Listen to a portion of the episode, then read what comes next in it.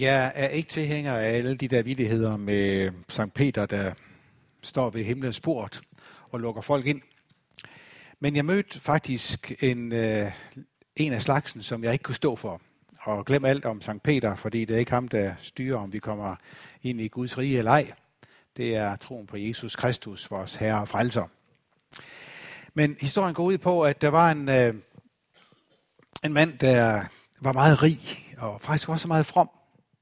Og sjov nok, så kan det være sådan, at selvom vi øh, virkelig øh, har troen i vores hjerte, så kan vi også godt være bundet lidt til det jordiske. Det kan der være, der er enkelte, der genkender. Og øh,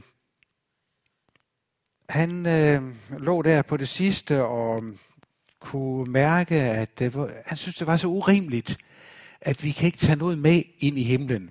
Det ved vi godt, vi ikke kan. Men det synes han var ret urimeligt. Så han øh, siger til øh, Gud, må jeg ikke godt få lov til at få noget med i himlen?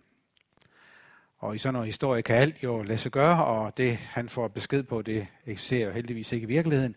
Men Gud siger til ham, jo, du må få lov til at få en kuffert med. Og så tænker man, hvad skal jeg putte i en kuffert? Og han sælger simpelthen alt det, han har, får fat i nogle guldbarer og fylder kufferten. Og så står han ved himlens port, og han har troen på Jesus i sit hjerte, så han skal lukkes ind. Men Sankt Peter siger sådan af, af nysgerrighed, må jeg ikke godt lige se, hvad du har i din kuffert? Og han lukker op, og så tager Sankt Peter sig til hovedet og siger, og så kommer du slæbende med fortovsfliser.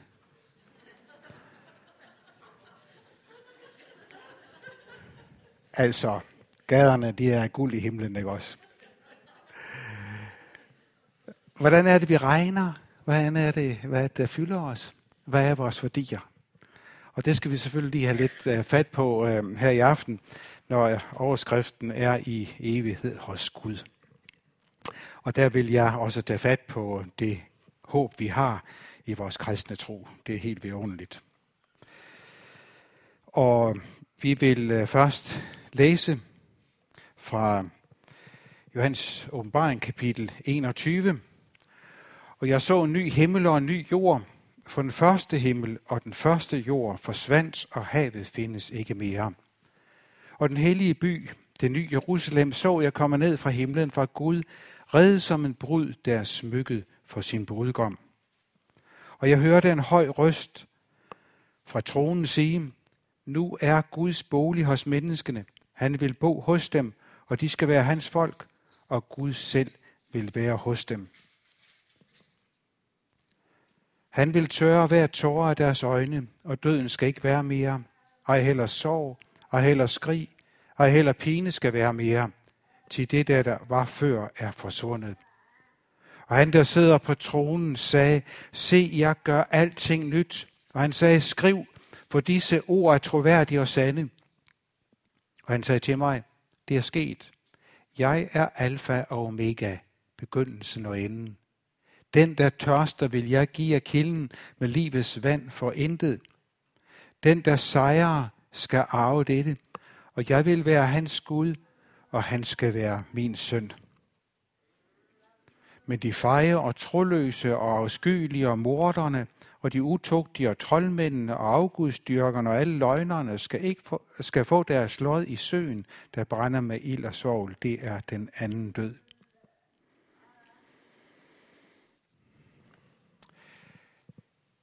Det er jo, både er der stillet skarp på, hvad det er, der er sandhed, og hvad der er løgn.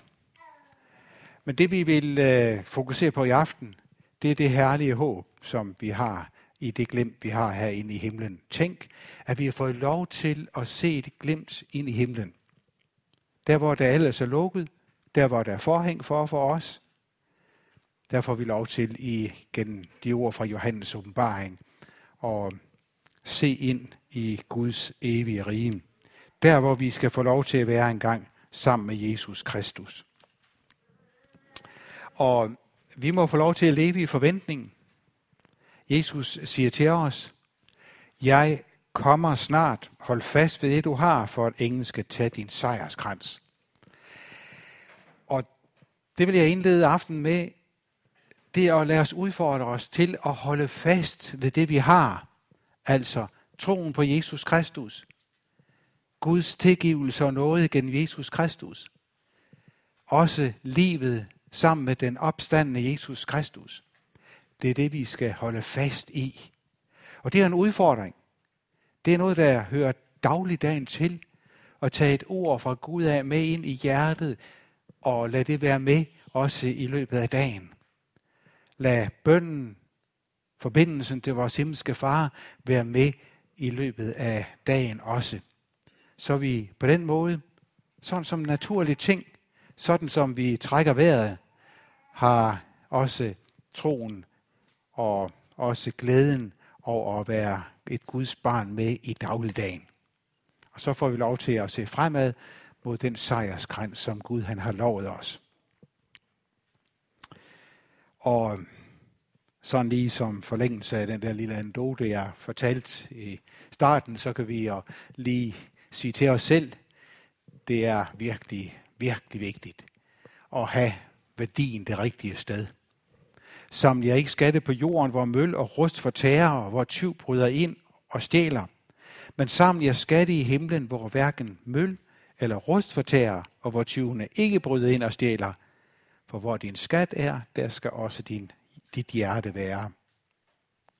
Jeg kommer senere øh, tilbage også til øh, glæden over livet. Og alle de ting, som vi får lov til at have som Guds velsignelse i vores liv. Og problemet med sådan ord, når vi møder det, det kan jo være, at vi så næsten bliver spændt ud mellem øh, to poler, hvor vi siger, at nu kan vi næsten ikke blive drukke længere, for det hænger ikke sammen for os. Kunne jeg da bare lige have lidt mere fokus på skatten i himlen, og så glemme lidt mere om skatten her på jorden. Og så, så bliver det hævet i os i, i begge ender. Jeg læser ikke det her ord på den måde der.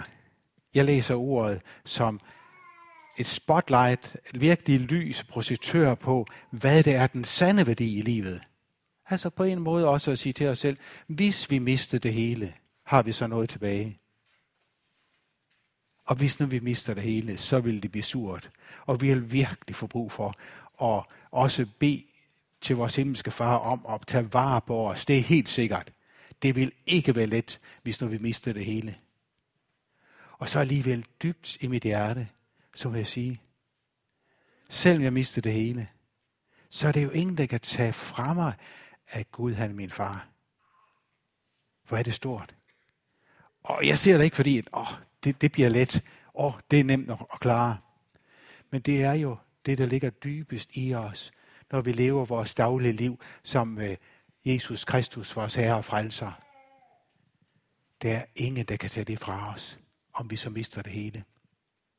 Og jeg møder samtidig også øh, en helt naturlig tanke der, når man øh, hører om også øh, kristne, der bliver forfulgt, lider meget, og så er der, den tanke kan opstå, og samtidig bliver den også formuleret og sige, kan vide, om jeg kunne holde til det her? Den lille tanke, den, den, er, den er udmærket, men jeg vil egentlig godt pakke den lidt ned og så sige, når vi lever sammen med Jesus Kristus, vores Herre og Frelse i dagligdagen, så vil han følge med os, hvis når vi bliver udsat for forfølgelse. Og vi ser det jo netop også ved forfulgte kristne, hvor deres tro bliver meget, meget intens, meget, meget stærk, og de kan stå igennem det, som er helt utænkeligt. Og det kan man ikke tage på forhånd. Men man kan have troen på Jesus Kristus med på forhånd. For det er det, der vi er, og så vil han også følge os. Så det handler ikke om, at vi ikke med tak får lov til at modtage Guds gaver. Abraham, han var virkelig rig efter datidens forhold. Men da det stod mellem valget mellem, at han skulle have den gode egen, som på det tidspunkt var nede ved det døde hav, og stod vel, øh, skulle vælge mellem, hvor skal Lot hen, og hvor skal jeg hen, så valgte han jo, at Lot kunne tage det dernede. Men det står så dejligt i Hebræerbrevet om Abraham, at selvom han var rig, så boede han i telt som tegn på, at hans blivende sted, det var i himlen. Og Abraham, han var som sagt altså virkelig rig. Så hvor er min skat? Det er ikke spørgsmål om, om hvad der står på mit skøde. Der kan stå meget på mit skøde. Inden jeg går videre, og hvor vi så vil arbejde med, hvad er det, vi har i vente? Og hvad er det egentlig, vi øh, så lige tænker om de ting? Hvad lærer Bibelen os om det, der er på den anden side af døden? Så vil jeg lige stoppe op, og så vil jeg citere en øh, religionsforsker. Øh, han er ikke kristen, men det betyder jo faktisk, at han kan se det med, med sådan nogle, skal vi sige, lidt mere overskuende øjne. Han, han sætter, skal vi sige, os i, i en analyse sammen med, med, med andre religioner. Og der sagde han, jeg hørte et foredrag med ham en gang, øh, Michael Rodenstein hedder han, han sagde, de kristne, de har simpelthen ikke styr på, hvad der sker efter døden. Og så må jeg spørge, har I styr på det?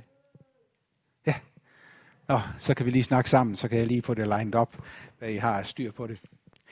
Det der han havde ret i, jeg vil ikke give ham ret i, at vi ikke har styr på det, vel? Jeg vil give ham ret i det, at det Bibelen fortæller os og viser os og åbenbarer os om det på den anden side af døden, det er så stort, at det bliver fortalt på forskellige måder. Ikke at det strider imod hinanden, men øh, som øh, næsten skal fortælles på forskellige måder, for at det kan rummes. Okay, jeg kan spørge så, og nu øh, citerer jeg ikke Michael Rodenstein, men jeg tager ud fra Bibelen. Når vi dør, kommer vi så direkte i himlen? Eller skal vi vente på opstandelsen? Okay, så har jeg lige skitseret de forskellige ting, ikke også? Som en religionsforsker, han vil sige, det strider mod hinanden. Og vi siger begge dele. Vi siger, at når vi dør i troen på Jesus Kristus, så får vi lov til, sådan som vi har også i fortællingen om Lazarus, at komme i Abrahams skød med det samme, ikke også? Og så på den anden side, så venter vi på opstandelsen. For det har vi så dejligt øh, også beskrevet. Jeg løser det selv på den måde, at øh, jeg kommer øh, ind på, på det senere også. Jeg løste det selv på den måde, at der er faktisk ikke noget, der hedder tid hos Gud. Tid, det hører menneskelivet til. Og når vi får lov til at gå ind i evigheden, så er tiden opløst. Så selvom vi kan vente på en opstandelse og sove, som Paulus han siger, og vente på Jesu genkomst, så får vi lov til at opleve at være sammen med Jesus med det samme. Det er min overbevisning. Kan I øh, se, hvad der er øh, ned nede under korset? Det er sådan et kranium. Og det har faktisk øh, noget med, med vores emner at gøre. Jeg har taget nogle billeder med fra den kirke, jeg har været præst ved ved en del år oppe i Thy. Og der på prædikstolen, der var der nogle af de her billeder. Det kranium, det kommer tilbage til senere. Hvem var det, der fik den første forjættelse, løfte om, at der skulle komme en og fri os ud af dødens verden? Ja, hvad var de første, der mødte døden? Det var Adam og Eva. Og hvem var de første, der fik forjættelsen, løftet om, at der skulle komme en, der var stærkere end døden, altså ham, der kan også øh, tage os med ned i, i øh, den evige ild. Det var Adam og Eva. Slangen skal nok hugge dig i hælen, men din sæd skal knuse dens hoved. Og der har man sådan på en meget enfoldig måde en slange, der både har næb og klør, og sådan møder vi jo egentlig djævlen, ikke også? Men Kristus, han har sejret over ham. Jeg kan lige stoppe op et øjeblik og sige, når jeg bruger billeder, øh, hvad, hvad skal de egentlig give os? Og jeg mødte øh, faktisk øh, øh, noget meget spændende for mig. Øh, I nogle øh, kirkesammenhæng, der bruger man meget billeder, og vi synes næsten, at de kan gå hen og dyrke dem. Og der har man arbejdet med på et tidspunkt simpelthen at forbyde billeder, fordi folk de, de kommer jo til at lægge for meget i billederne. Og der var der en, der fortalte mig, at, og det er sådan helt tilbage i den overvejelse, man havde, om man skulle forbyde billeder eller ej. Der var en, der sagde, at et af argumenterne for, at man kunne bruge billeder, det er, at billederne de kan åbne op ind til en verden. Men det er os, der skal fortælle og så at sige udtrykke, hvad billederne betyder. Vi kan tage naturen. Hvis nu I går ud i naturen, det er bare så dejligt at være ude i naturen. Men det er kun os, der med troen i hjertet kan lovprise Gud for det, vi ser i naturen. Naturen, jo, den kan godt på sin vis lovprise sig selv, eller lovprise i forhold til Gud, men det er os menneske, der har fået den kæmpe store gave, og også opgave, når vi ser det store og lovprise Gud. Og sådan er det også, når vi ser et billede, som gengiver Jesu opstandelse. Så kan man sige, at det, det siger der noget om Jesu opstandelse, ikke også? Ja, men det er ikke brugt rigtigt, og det er ikke brugt fuldkomment godt, før vi siger, når vi ser det billede, tak Jesus, at du stod op på morgen, og at det gælder for mig i dag. Fordi så bliver billedet ikke bare et billede, men det leder mine tanker hen til Jesus Kristus, der er knust slangens hoved. Og tilbage, og vi skal lige have slangen med det, eller det der uhyre der, med næb og klør og fiskehale og det hele. Når der er sådan et kranium nede under korset, så er det et gammelt billede på, at da Jesus døde, der gav det forløsning til syndere. Og så siger man, at Adam og Eva, de var begravet lige under, hvor Jesus han blev korsfæstet. Det kan måske være en tilsnigelse. Og da Jesus døde, så løb der blod fra korset ned til Adam og Eva, og så blev de dækket af det og fik opstandelsen. Og det har man så også i øh, kunsten øh, virkelig sat billedet på, at Jesus han slår porten ind til dødsriget. Han skal lukke os op for gravene. Han er den, der fører Adam og Eva ud af deres grave. Døden er opslugt og besejret. Hvor er det stort. Nu fik vi en dejlig indledning øh, om at glæde os i Herren. Og tage glæden med ud mellem mennesker. Jeg vil egentlig udfordre jer til at starte glæden i aften. Okay, I har det måske med i forvejen, så er det helt fint. Men skal jeg tage glæden ud sammen til andre mennesker, så er det vigtigt, at når vi er sammen her, så glæder vi os i Herren. Så imens jeg står og prædiker eller taler, så må I godt finde glæden over det, I hører. Altså det fra Bibelen af. Det, som der bliver lukket op for jer. Lad, lad den glæde også boble i jer. Tillad jer selv at være glad. Okay, I kan være i forskellige situationer i jeres liv. Sådan er det. Men når I møder ordene, så slip glæden løs indvendigt i jer. Virkelig glæden over, at det er sandt, at Jesus Kristus har besejret døden. Hvis død har han besejret. Han har besejret min død. Han besejrer din død. Og hvem er det, der har et håb? Håb om en dag at skulle se Jesus ansigt til ansigt. Det er mig, der har det håb. Det er jer, der har det håb i Jesus Kristus. Glæd jer altid, Herren. Jeg siger igen, glæd jer og start og lad det boble i jer også i aften. Og så er vi lige til det der med de der forskellige øh, øh, syn på, hvad der sker efter døden. Og det er dejligt så at have ord for det. Vi tager til røveren på korset, der sagde til Jesus, husk mig, når du kommer i dit rige. Og hvad sagde Jesus til ham? Sandelig siger jeg dig, i dag skal du være med mig i paradiset. Så hvis nu der er nogen, der vil sige, okay, okay, I må altså vente pænt på, at øh, et eller andet tidspunkt, så får I lov til at være sammen med Jesus. Nej, i dag skal jeg få lov til at være med ham. Når jeg lukker mine øjne i troen på ham, så skal I i dag være sammen med ham. Så er tiden ophævet. Og jeg får lov til at se fremad, at Jesus han kommer og henter mig. Altså det, nu møder jeg som i mit job, hvis man kan sige sådan, øh, egentlig samtidig en meget dejlig øh, beskrivelse af, hvad der kan ske, også i nærheden af døden eller i dødsøjeblikket, hvor mennesker de øh, virkelig kan øh, beskrive, hvordan de, de mærkede, at den, der skulle herfra, fik lov til at se glimt ind i himlen og møde Jesus. Og Jesus siger jo selv, og det læser jeg ikke bare som øh, et ord om, hvad der skal ske øh, ved de dødes opstandelse, og når Jesus kommer igen. Jeg læser det også om, hvad der sker, øh, når jeg skal lukke mine øjne.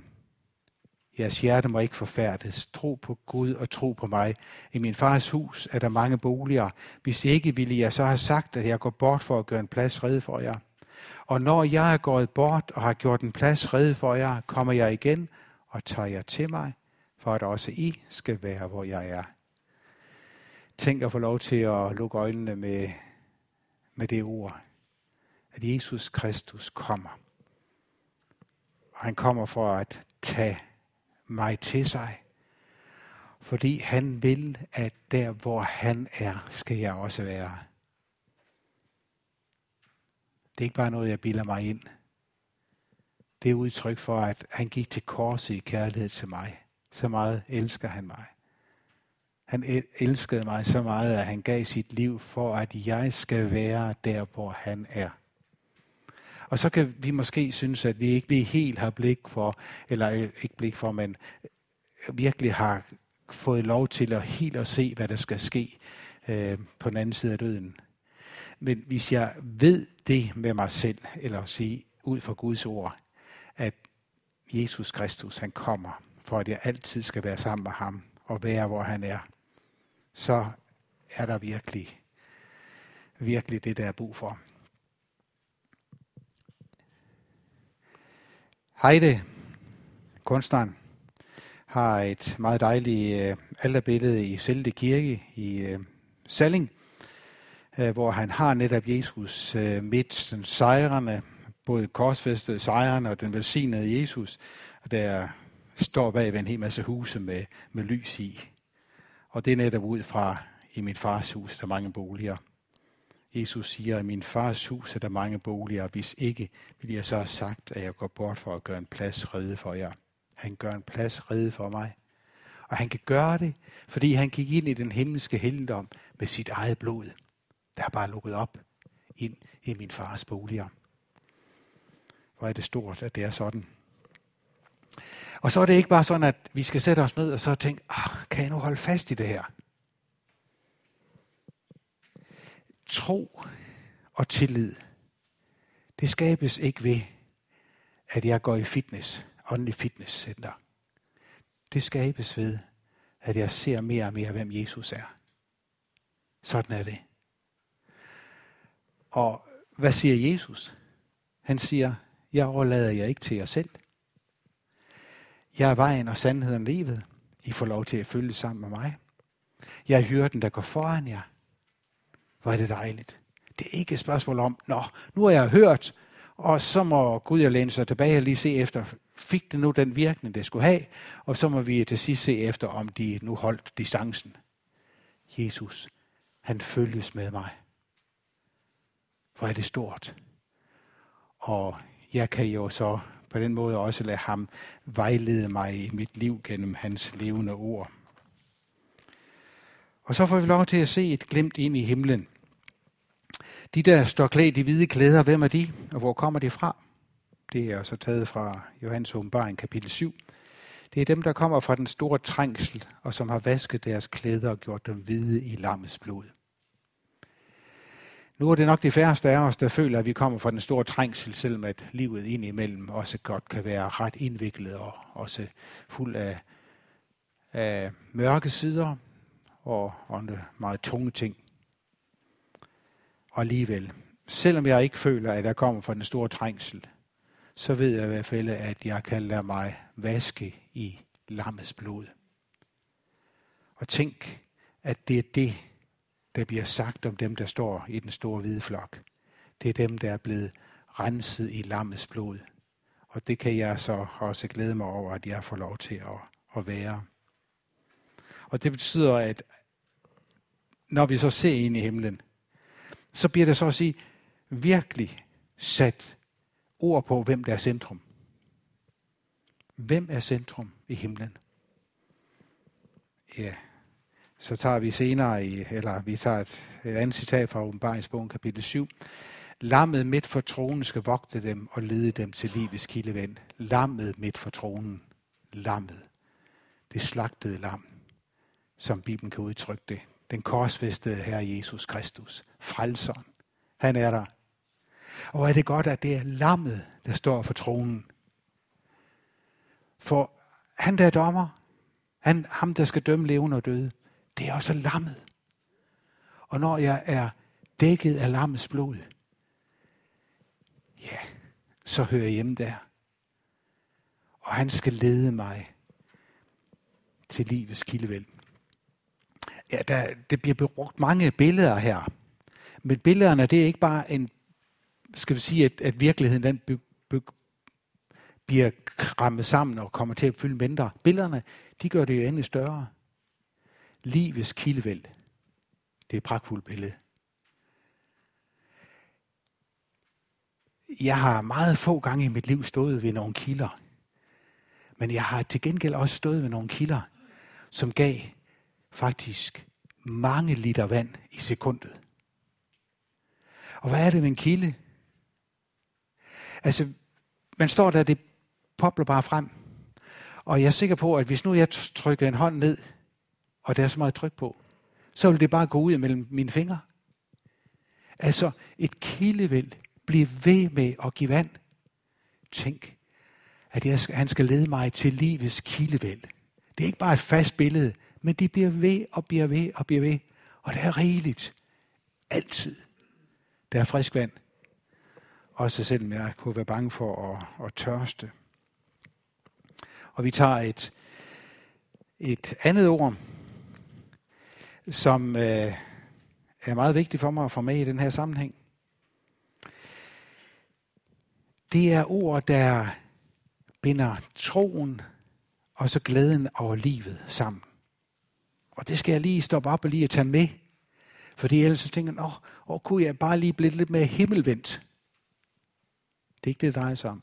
Det drejer sig om, at jeg ved, hvad der er den sande værdi.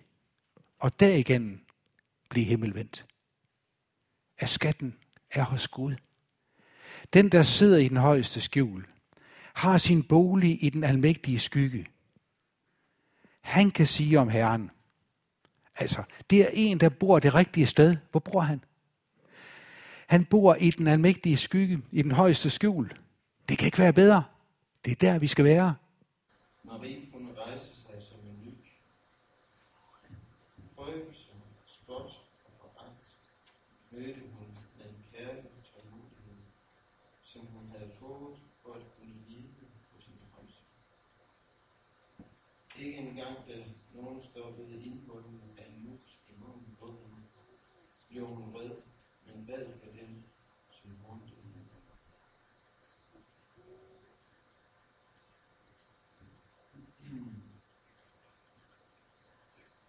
Sådan går det for dem, der går for lidt for sin egen som har prøvet at tage kampen med ham, men far i går i regnen.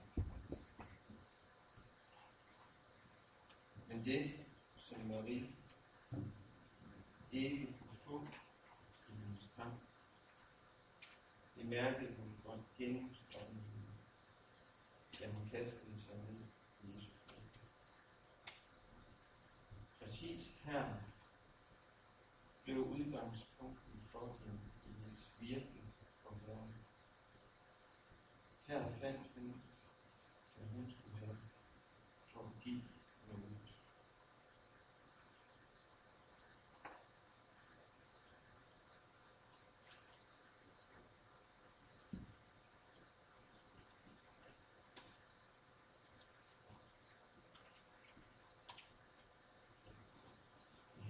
Her finde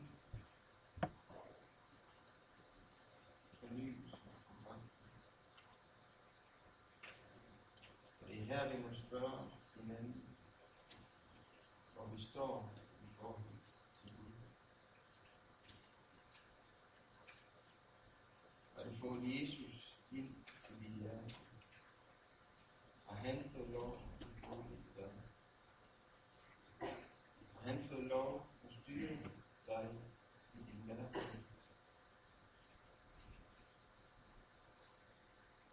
I din handling? Er det hans handlinger, der kommer til udførelse i dit liv?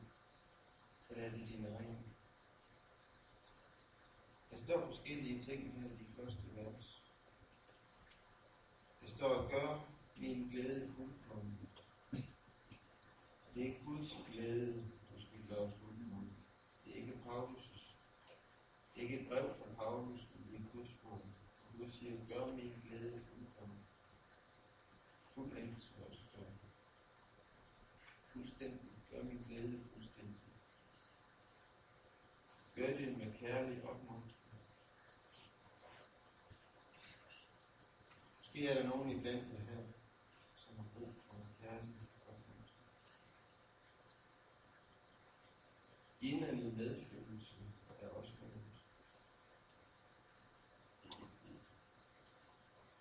Der er ikke noget så godt som inderlig medfølelse, når man står i en menneskelig situation.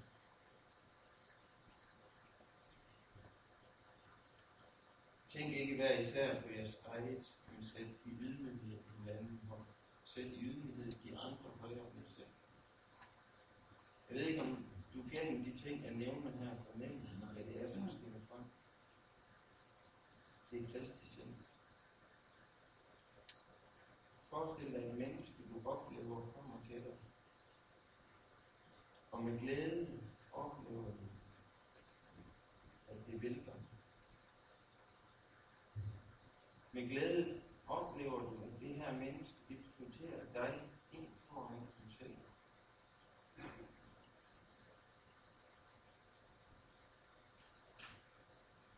Jeg kender nogle af de mennesker. Og de mennesker, de behøver ikke at tænke på at skulle. De alle mulige farver. For det er Jesu gerning, der skiller ud igen. Han har fået lov at få styringen i deres liv.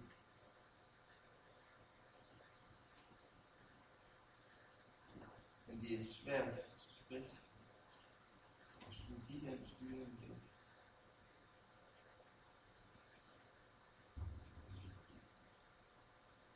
Om brev, jeg har kødets gerninger optegnet af siden af åndens frugt. I Galaterbrevet, i 5 vers 19. Der står om kødets gerninger, om dine gerninger, som er de er velkendte. Det er utugt.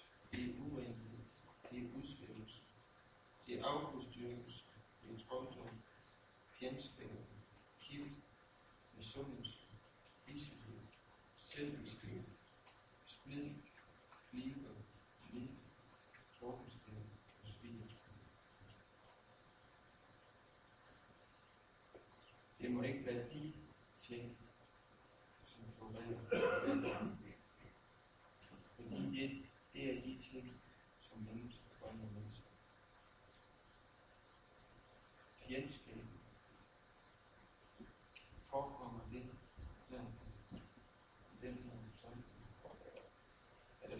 der fjendskaber blandt dem?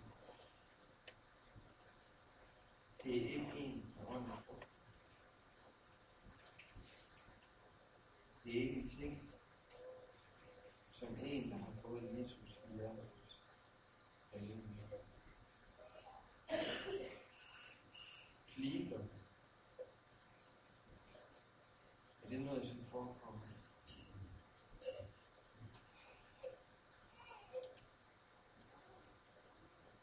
Misundelse.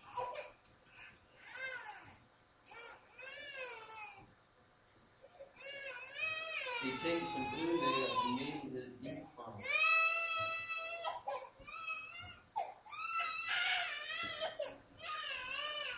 Men nedenunder de ting, så står der ikke om åndens gerninger, men åndens frugter. Det skal du ikke mærke til. Ikke åndens gerninger, men åndens frugter. De ting, som Jesus selv sørger for, skinner frem, hvis du giver ham plads i dit hjerte. Det er kærlighed. din glæde. din fred. din tålmodighed. din venlighed. din godhed, trofasthed, mildhed og synlighed. Det er alle de ting, der gør, at det er godt at komme her i den forsamling.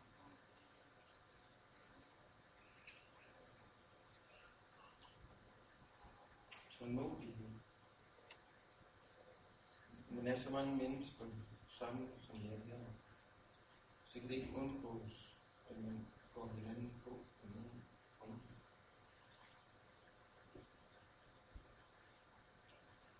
Så er det godt med tålmodighed. Og Vi kan sige meget mere, men klokken render, og jeg skal snakke om det. her. Og vi kan læse.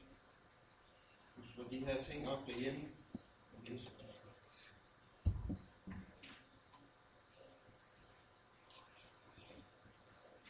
Hvad kan jeg give, og ikke hvad jeg kan få? Og der ligger det sådan for mig, at jeg også spørge, om du husker at tale med Jesus i din hverdag. Lægger du din dag i hænderne på ham. Ham, som skal lov at gå i dit liv. Gud velsigner ikke det, du tror, du kan gøre for ham, men det, som han får lov at bruge dig til. Det er ham, der kender vejen til dit liv, og det er ham, der ved, at du skal bruges til. Det er vigtigt, at du lægger dit liv i hans hånd. Der er meget arbejde i dag, som ikke er hårdt. fordi det ikke er Guds værk, men menneskers fag efter og det her.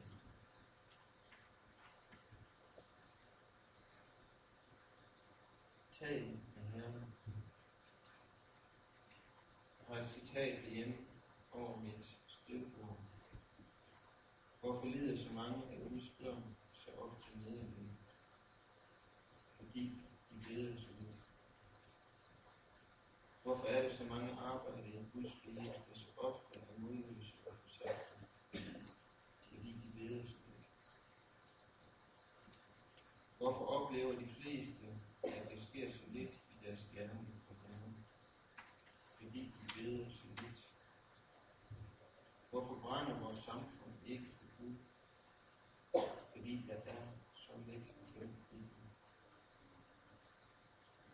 Djævlen ser gerne, blive optaget af Guds rige og riges arbejde, og bare vi ikke beder. Djævlen lærer af vores anstrengelser, spotter over visdom, men ryster, når vi beder.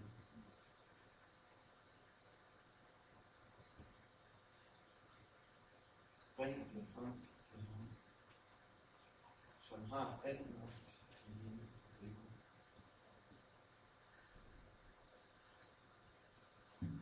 Din brugbarhed i Guds rige, den bliver så stor, som din daglige afhængighed af ham er.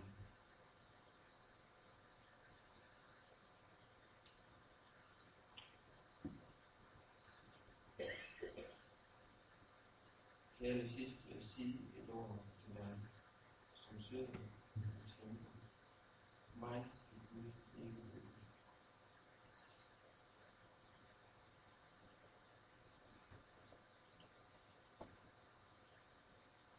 Ja, så mig, så mig, så helt anderledes end det skulle være. Det er netop dig, som Gud kan bruge. I salme 147, det skal vi runde af i vers,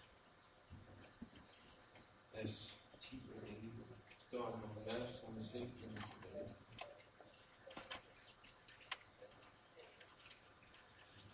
Side 562.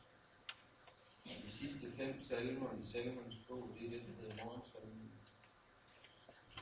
De salmer bad Jesus hver morgen. De fem sidste salmer. Dem bad en jøde hver morgen i Jesu tid. Herren bryder sig ikke om hestens styrke. Han glæder sig ikke over menneskets muskler, men han glæder sig over dem, der frygter ham, og som venter på hans trofasthed. Gud glæder sig ikke over alle dine talenter, al din styrke og alt, hvad du kan. Han bryder sig ikke om.